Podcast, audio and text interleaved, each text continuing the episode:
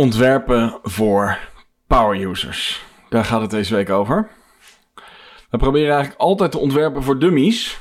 Even hè, een beetje gechargeerd, maar je wil eigenlijk juist dat dingen zo eenvoudig mogelijk zijn. En eh, daarom eh, hoor je natuurlijk vaak don't make me think als uitspraak. Ehm, maar power users, bij power users werkt dat net even wat anders. Eh, omdat je juist veel meer functies wil aanbieden. Uh, en in dat, in dat geval moet je dus vaak accepteren dat er een bepaalde leercurve is. En dat die anders is dan voor die dummies waarvoor je dan ontwerpt. Um, wil jij weten hoe je een complex product test met power users? Blijf dan even luisteren. Wij vertellen namelijk onze ervaringen mee en uh, misschien heb je daar wat aan. Welkom bij Pillow Talk, de podcast waarin we op zoek gaan naar de ultieme gebruikservaring in het digitale domein en daarbuiten.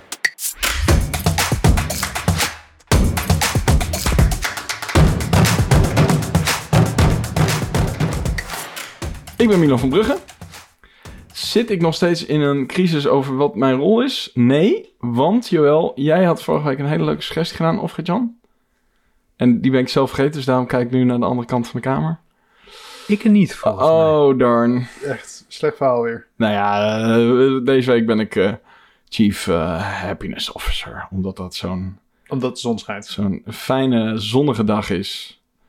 dus dat ben ik. En jij, wel? Wat ben jij vandaag? Ja, ik ben Joël. Oh ja, dat, sorry. Dat, dat wilde ik Maar ik nou al het gas voor je voet weg? Ja.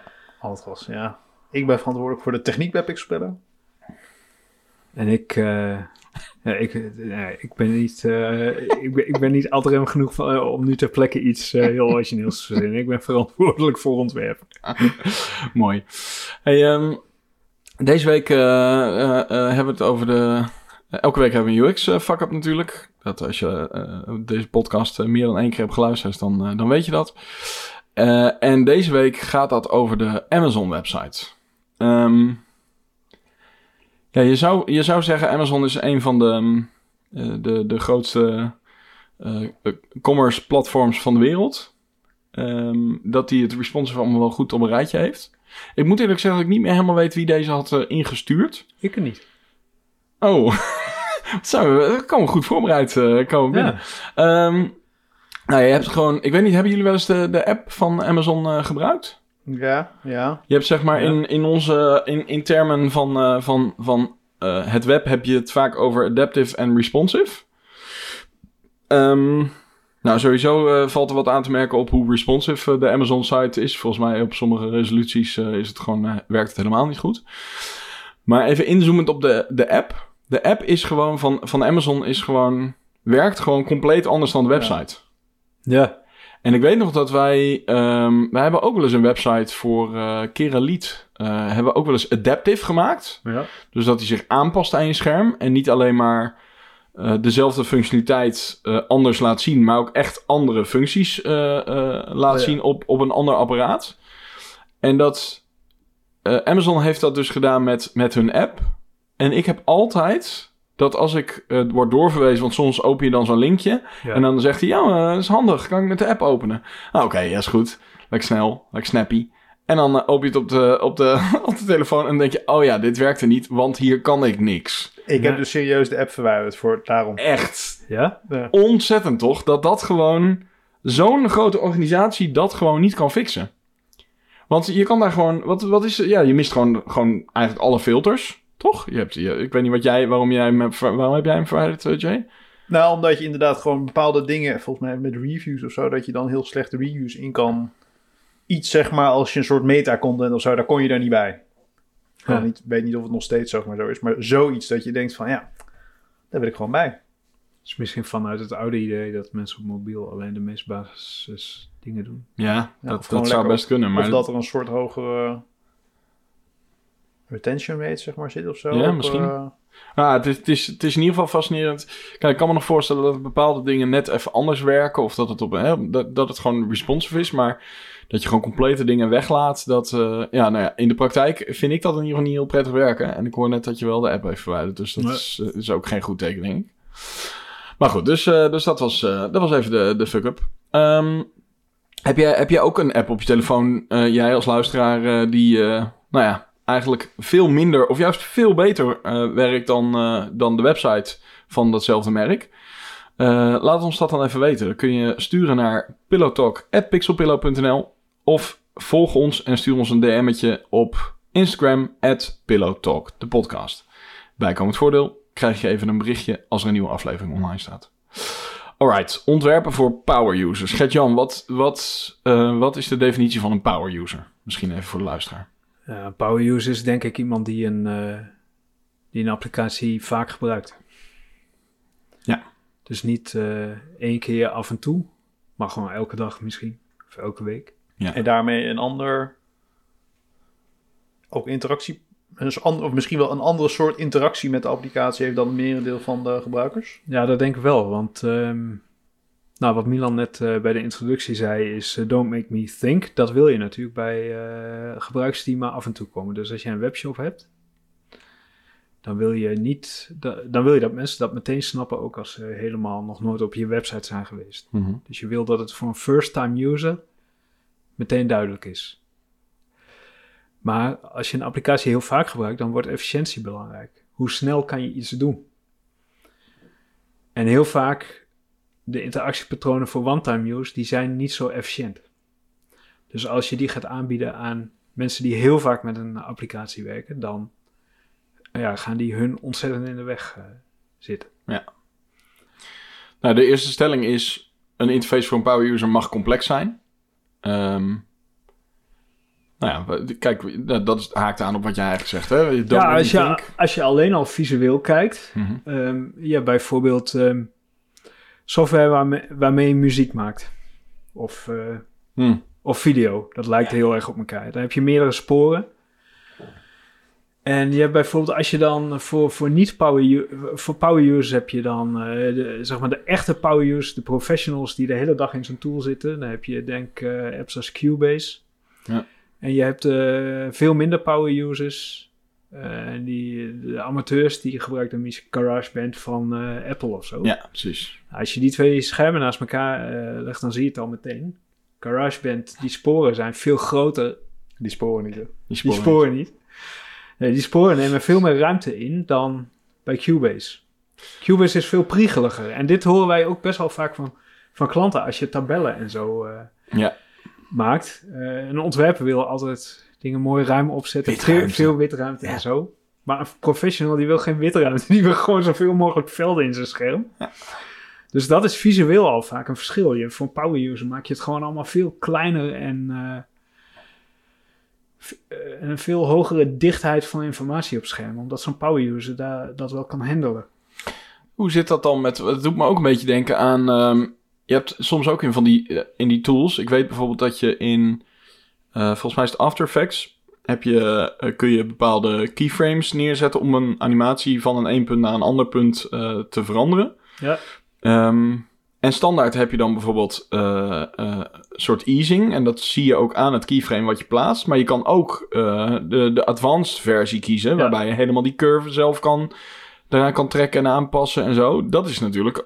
eh, Ja, dat, dat is denk ik ook een heel groot verschil. Is ehm, eh, bij een applicatie voor power users kun je een heleboel dingen verstoppen. Ja. Wat normaal gesproken nooit mag. Het is een beetje een doodzonde. Affordance. D- dingen te Toch? hiden. Affordance, zeg maar. Dat je Ja. een indicatie geeft dat er iets is. En ik vind dat een mooi voorbeeld is altijd eh, klapdeuren. Dat Ja. je zeg maar als je eh, vaak van zulke dingen die omhoog zeg maar staan of van die grote vlakken. Ja. Dan weet je dat je kan je duwen zeg maar. In principe is het natuurlijk helemaal niet nodig om die dingen Nee. daar te hebben. Maar dat geeft een indicatie dat die, Wat die kant zeg maar open gaat. Ja. Terwijl natuurlijk een hendel zeg maar vaak impliceert dat je mij toe moet trekken. Oh, klapdeuren. Ik verstond het niet. Klapdeuren. Ja, klapdeuren, precies. Ja. fysiek. Ja. Ja, en ik denk dat ehm, het verstoppen van dingen... Nou, als je applicatie als Photoshop of zo bekijkt... Mhm. Ja, er zijn heel veel dingen. Ze zitten niet, zijn niet direct eh, toegankelijk via de interface. Nee. Moet Maar je ze echt meestal wel herkenbaar aan de keyboards van die mensen soms. Ja, precies. nou, dan moet je echt naar op zoek. Dus dat vereist eh, kennis. Ja. Dus je moet eerst leren en dan pas kun je het gebruiken. ja, dus dat hangt ook... eh, dat hangt er dan ook een beetje vanaf hoe graag je het wil. Toch? Ik bedoel, als jij geen enkele, als jij denkt, nou, ik, ik heb vandaag niks te doen, laat ik eens een programma wat ik nog nooit heb gebruikt, eh, zeg maar wat, After Effects, Photoshop. Even gewoon iets in gaan maken. En je denkt na een minuut van, nou, ik had eigenlijk niet echt een doel hiermee. En het is best wel ingewikkeld. Ja, dan haak je waarschijnlijk eraf. Ga je weer in het zonnetje zitten. Ja. Maar als, het je, als je een student bent en je wil leren hoe, hoe je in dat vak eh, terechtkomt en wat er voor nodig is, ja, dan ga je natuurlijk doorzetten. Ja. Dus ja, en dan heb je ook nog verschillen in eh, patterns, denk ik. Eh, ja, ik weet niet of je... je- Jij hebt ook wel eens met 3D-pakketten met Mhm. Google SketchUp en zo, hè? Ja. Dat verbaast mij altijd dat heel, heel veel dingen die in 2D-pakketten heel, heel erg conventie zijn. Appeltje C, appeltje V en zo. Ja, dat werkt gewoon niet zo in een 3D-pakket. Dat je dat denkt, waarom trekken ze dat niet even gelijk? Dat is toch gewoon... Maar dat komt denk ik omdat in de 3D-wereld zijn dat geen conventies. Dus eh, ze mikken misschien op een doelgroep die 3ds Max gewend is of zo. Dus Ja. ze passen zich aan, aan die conventies. Maar ondertussen zoek je, eh, als leek zoek je het schompers. Maar wat- Ja. ja, zeg maar. Nou, ik moest even denken aan eh, dat je... Soms zie je tussen verschillende applicaties... die dan bijvoorbeeld een eigen conventie willen gaan doordrukken... dat ze dan wel een soort compatibility modus hebben. Ja. Maar ik, ik zag dat laatst ook ergens... dat dat dus ook voor graafmachines zeg maar werkt. je hebt dus zeg maar een soort... op een graafmachine heb je dus Caterpillar controls... Ja. en je hebt ISO controls... wat dus echt compleet anders is. Oh ja. Echt? Ja, dus dan zeg maar, als je dus opgeleid bent in een, nou, een Caterpillar, dat is dus anders dan dat je een graafmachine, nou die dus volgens ISO-controls zeg maar. En dan heb je dus ergens onder aan de, onder de, weet ik veel, bij de accu of zo zit dan een schakelaar en dan moet je echt uit dat ding en dan moet je een hendel omzetten en dan werkt het dus wel hetzelfde. Ja, ik weet niet hoe een graafmachine werkt, maar Nee, je- maar de ene kant zeg maar is dan voor het zwenken Ja. van de arm en het andere is dan voor de graaf dat, dat, bak ja, zeg maar te kantelen. dat maar ook dat soort dingen, dat convergeert dan op een gegeven moment of niet. Ja. dat doet mij heel erg denken aan... eh, we gaan het straks ook nog even over games hebben. Xbox en eh, PlayStation. Nee, in, eh, in, eh, in schietspellen eh, ja. eh, heb je zeg maar twee, eh, twee verschillende type mensen. Je hebt zeg maar mensen met eh inverse eh, eh, eh, ehm, aiming, zeg maar. En, en wat ik normaal vind, maar dat zullen die mensen vinden dat, vinden inverse, inverted dan normaal. Maar dat is dus dat op het moment, dat is een beetje het, ver- hetzelfde als met Apple de Natural Scroll. ja. Dat heb je dus in gaming ook al. Dat heb je nog veel langer in gaming eigenlijk. Ik ben gewend dat als je je muis naar beneden trekt, dat je dan dus ook naar beneden kijkt. Ja. En dat als je naar links, dus dat gewoon de beweging waar je je muis in stuurt, dat dat ook de beweging is waar je cursor op het scherm naartoe gaat. Om te mikken als je iemand eh, helemaal kapot wil knallen. En eh, de andere versie is dus inverted, dat je dus naar beneden, dat dat omhoog kijken is. En Ja. andersom. Ja, ik vind dat heel onlogisch, want waarom doe je dan ook niet links en rechts geïnvert, zeg maar? Ja, ja. Maar goed, oké. Maar er zijn dus mensen die, die daar gewoon helemaal... Ja, die gewoon dat op die manier doen. Ehm, maar dat is dus grappig. Dat, de- ik wist niet dat dat in eh, van die graafmachines dus ook een soort van eh, switch is die je kan omzetten. De adaptie, adaptieswitch. Ja, Ja, je had ooit toen eh InDesign de DTP-wereld overnam van Quark. Hmm. Toen was Adobe slim geweest. Die hadden, dan kon je Quark shortcuts, shortcuts. Oh ja. aanzetten. Maar dat is natuurlijk best wel pointless, want ja, je, moet, Uiteindelijk wil je... je moet toch op een dag, wil je toch over. Ja, maar want dat was bij de volgende update er vast al een keertje uit, ja, toch? dat is er wel een keer uitgegaan. Dus het is een mooie... Dus dan maak je de, de reden om over te stappen. De drempel je- maak je natuurlijk lager. Ja. Wel echt heel slim. Ja. Ehm, ja, grappig. Oké, maar de stelling is... eh, eh, een, een power user interface voor power user mag complex zijn. ja, dat denk ik wel. Dat, dat denk ik ook, ja. Ja. Hoewel, eh, natuurlijk zoals in alles in deze podcast, genuanceerder is dan, dan dat. Ik heb ook wel eens een interface gezien van eh telefoniesoftware. Hm. Nou, dat was wel... Heb je het over eh, voice? Nee, het gaat niet over voice. Het is, eh, het is way back. Dat was een, echt nog een, een, een Windows-applicatie. En daar heb ik wel eens een soort eh, ehm, ja, usability design review van gedaan. En eh, ja, ja dat, dat zat er gewoon... Dat zag er ook een beetje... Dat zag eruit als zo'n... ehm, eh, die programma's waarmee je vroeger muziek kon maken. Ehm, voor, zeg maar, dat het met een muis nog bediend kon worden. Maar zo'n DOS... ehm, Ja, eh, waarmee je dan muziek eh, kon maken. Ja, zo zag dat er ook uit. Gewoon je hele scherm volgepland met knoppen. Eh, en ja, dan moest, je, dan moest je maar net weten op welke toets je moest drukken... of welke muis, met, wel- met de muis welk knopje moest aanklikken. Om dan die telefoon op te nemen en door te schakelen en dat soort dingen. Dus, dat, ja, dus het, je hebt natuurlijk wel gradaties in... het mag best wel wat complexer zijn. Maar ja, dan nog heb je natuurlijk... ja. Dat iets ook wel gewoon binnen een bepaalde complexiteit gebruiksvriendelijk. kan zijn. Ja, Oké, nou, dat, eh, dat is dat. Eh, ja, we hadden het al, ook voordat we di- dit onderwerp eh, erin gooiden, hadden we, hadden we het even over. Wij testen natuurlijk voor gebruik, met gebruikers de software die we en, en de sites en alles wat we, wat we bedenken. Maar, maar ja, de vraag is natuurlijk: hoe test je dan iets wat een hele hoge leercurve heeft? Ja, want normaal testen we en dan wil je dat iemand het in één keer snapt. Dat is een beetje een soort van de, de lakmoesproef. Ja, Maar in dit geval wil je eigenlijk efficiëntie testen. Hè? Je wilt testen of, of het ook efficiënt is om zo'n tool te gebruiken. Mhm. Ehm, ja, en daar moet je dus voor leren. Zou het dan ook werken om, om in dit soort gevallen eh, meerdere keren over time, zeg maar nadat iemand er al wat langer mee werkt, Nou, dat te is, testen? dat is het idee, ja. Want wat wij het liefst ook doen is testen met verschillende mensen. Mhm. maar, maar ze zeggen wel dat dit soort testen moet je eigenlijk telkens met dezelfde persoon... en dan kijken of dat die, of dat die optimaliseert. Ja. Of dat hij het steeds sneller gaat Of die de taak in een steeds korter tijdsbestek kan uitvoeren. Ja, dus je moet meerdere keren testen en dan bij gaan houden, eh, doet hij het steeds sneller. Dus dat is grappig. Is hashtag no pressure. nee, maar dat is, dat is een hele andere manier van testen. Dat je dan met een gebruiker gaat testen en dat je dan, eh, dat je dan daarbij zegt... eh, ja, het is wel heel belangrijk dat je het onder de 10 seconden dit keer doet. Want anders dan eh krijgen Ja. wij niet betaald. Nee, precies. Ja. Oké, Maar, ja. is, het- maar is het in dit geval ook... Vaak is het natuurlijk heel eh, fijn om zeg maar, een gebruiker te hebben die er heel bleu in gaat. Want vaak zeggen we natuurlijk dat de gebruiker zelf ook niet precies weet zeg maar, wat hij natuurlijk moet. Maar met zo'n power user kan me eh, eh, voorbeelden herinneren waar ze bijvoorbeeld heel goed weten wat voor informatie ze nodig hebben om een bepaalde beslissing te maken.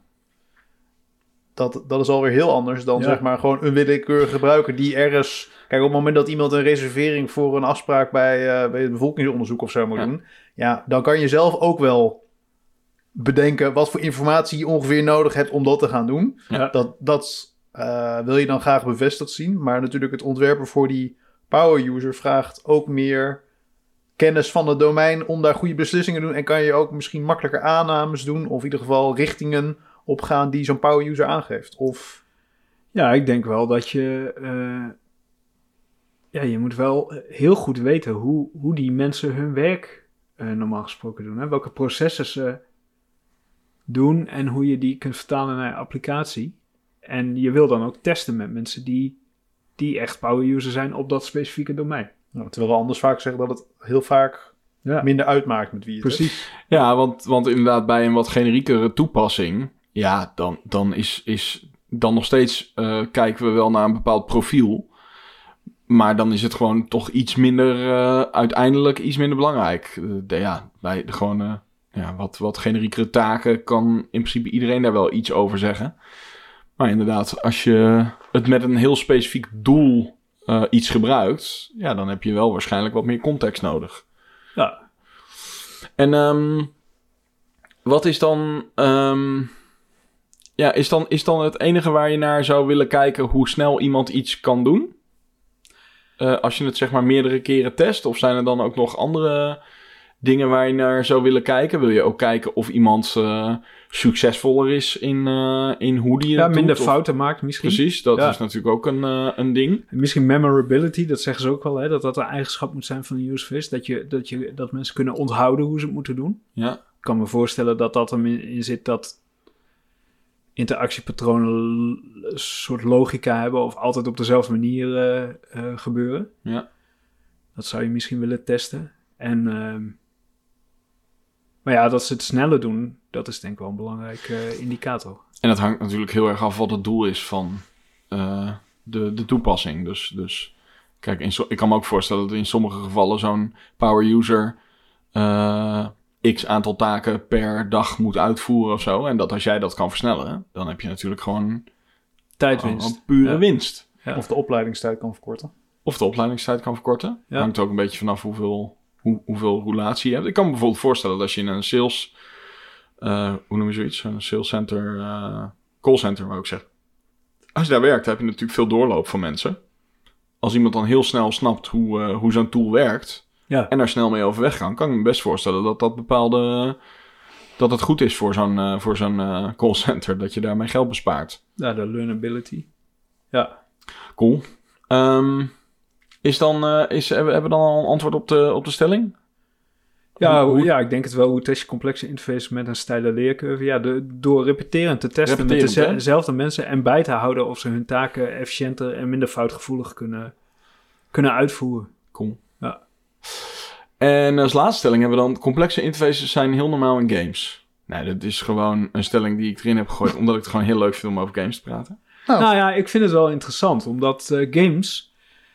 eh, ja, we, wat wij dus eh, zeggen vanuit dat don't make me think... En dat is altijd een beetje de modus waar wij in zitten. Hè? Je moet Mhm. het meteen snappen.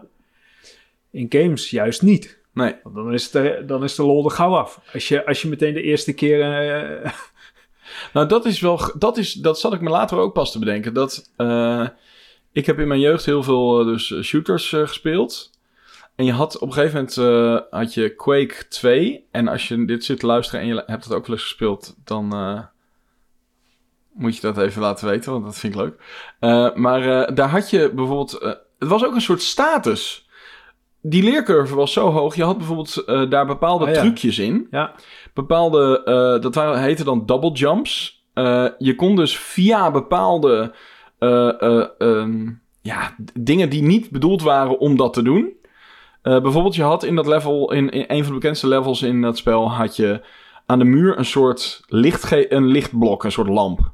Dat stak een beetje uit. En in Quake kon je dus heel vaak door een soort double jump te doen, via zo'n lampje dan Oh op ja, een een ja. of andere hele hoge doos komen.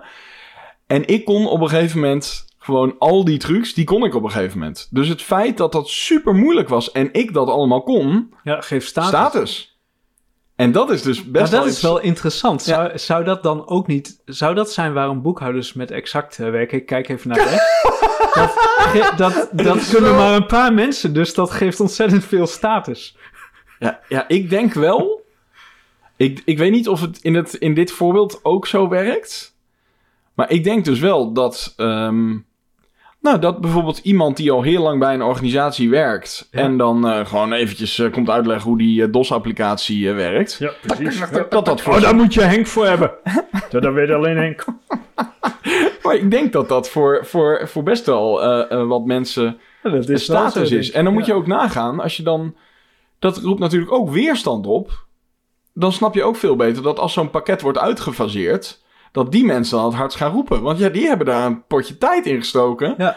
En dat, die maakt het helemaal niet uit dat het dan daarna makkelijker wordt. Die denken alleen maar... Hey, ik was hier de koningin en nu eh, word ik ontroond. Want eh, eigenlijk wordt de troon gewoon weggesleept voor mijn neus. Ja. Ja, ik, dat is toch... Als je dat zo bekijkt... Nou, misschien was dat met Sketch ook wel een beetje zo. Toen van Photoshop naar Sketch, hè? Mhm. Dat mensen het gewoon niet serieus namen. Nee. Omdat het zo simpel was. Ja. Ja, dat is niet... Ja, weet je, dat ziet er niet complex uit. Dat kan, dat kan iedereen. Ja, mooi. het is toch, ik, ja, het is Ja. een mooi principe. En het is toch bij software wel echt anders dan bij games natuurlijk. Want games, dat doe je voor je lol. Maar het, het is wel fasci- een fa- fascinerend fenomeen dat... Ja, maar ook de, ook de feedback loop is natuurlijk heel grappig. In de zin van, kijk, als jij met Quake 2, zeg Mhm. maar... wel iets jonger, Quake 3 Arena heb ik nog gespeeld, maar daarvoor niet. Oh, leuk, heb ik ook gespeeld. oh, een, lam, een een keer. Leuk, leuk. Maar eh, kijk, dan word je natuurlijk gewoon kapot geknald. Als je, of als je in dat eh, space level, zeg maar, naast dat ding, Ja. zeg maar... Ja, oh ja, val je oh ja, gewoon met in- in- Op dat eilandje. Ja. Leuk, leuk. dan val je zeg maar helemaal in Oblivion natuurlijk, zeg maar. Dan houdt het gewoon op. Maar als jij natuurlijk je case niet snel genoeg clo- closed in jouw eh, customer support ding, ja, dan gebeurt er natuurlijk niks. Ja, behalve je manager die dan een keertje komt schreeuwen. Maar dat is natuurlijk een heel andere feedback loop, zeg maar, dan dat je dan, eh, nou ja, kapotgeschoten wordt eh, met die... Ja, grappig. Je hebt gewoon een andere incentive. Als je, als je die game speelt, dan wil je gewoon, dan wil je gewoon de beste zijn en, en winnen. Ja, dan ga, je gewoon, dan ga je gewoon oefenen. Terwijl als je betaald wordt om een, Ja. om een saaie taak uit te voeren... en, die, en dat pakket maakt dat alleen maar moeilijk voor je... dan denk je niet van, oh leuk, een uitdaging. Ja, en het is ook, beetjes gaan uitgeven. en, en het is ook bij sommige dingen... Is, eh, het is natuurlijk bij sommige games ook leuk om dingen te ontdekken. Zoals eh, Minecraft bijvoorbeeld. Ja. Nou, daar kun je ook allemaal soort eh circuits en elektrische eh, eh, ingewikkelde dingen doen. Ja. Nou, dat is natuurlijk leuk om uit te vinden. En dat is misschien ook wel weer status. Ja. Dan kan je je vriendjes vertellen. Nou, maar dat kan je niet doen.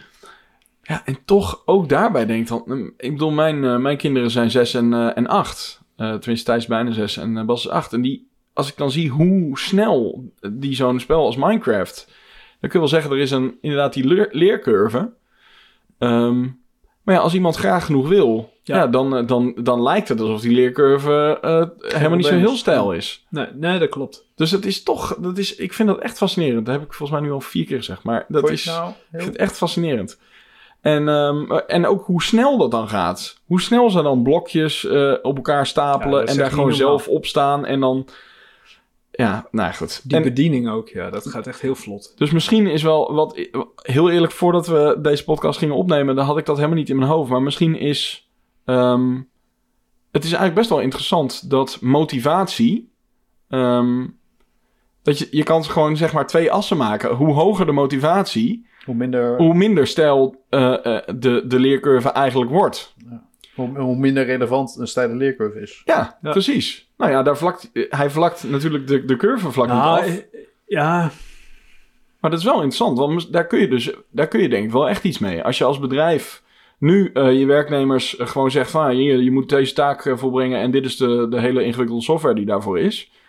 Nou, misschien werkt het dan dus wel als je dat bijvoorbeeld, eh, als je daar gamification op toepast. Eh, of als je, als je een veel interessantere incentive neerlegt. nou, dat... ehm, Dus mensen gewoon beloond voor als ze het gewoon op een gegeven moment op een bepaald niveau kunnen doen in, zo'n, in die software. ja, binnen een bepaalde tijd. Ja. Dat je daar gewoon iets aan gaat koppelen. Ja. Dan eh, krijgen die mensen natuurlijk wel. Ik eh, zit te dubben of dat er niet al is. Ik weet wel van die type eh, cursus-apps Ja, nou, dat is best wel een Ja. goed voorbeeld. die nu heel veel op gamification doen. Die maken een soort shooter van, met je vingers. Ja. Maar dat is voor kinderen. Maar misschien, ik denk dat er voor volwassenen ook wel trainingsprogramma's zijn die, waar een soort van gamification in zit. Dat je bepaalde badges, ja, die Code Academy-achtige dingen natuurlijk. Hè? Dat je gewoon de hele saaie tools die mensen bij het kadaster moeten gebruiken, dat je daar, Ja. gewoon, dat je daar gewoon games van gaat maken. Nou, ik heb wel begrepen inderdaad dat die GIS-software, dat is niet het meest makkelijk eh, te leren. Nee, dat heeft wel wat eh, leercurve. Ja. Maar ik had het ook met die 3D-pakket waar we het over hadden. Toen ik eh, HTS deed, dan deden we ook dingen met 3D Studio Max. Maar ja, dat vond ik wel echt heel ingewikkelde software. hoor.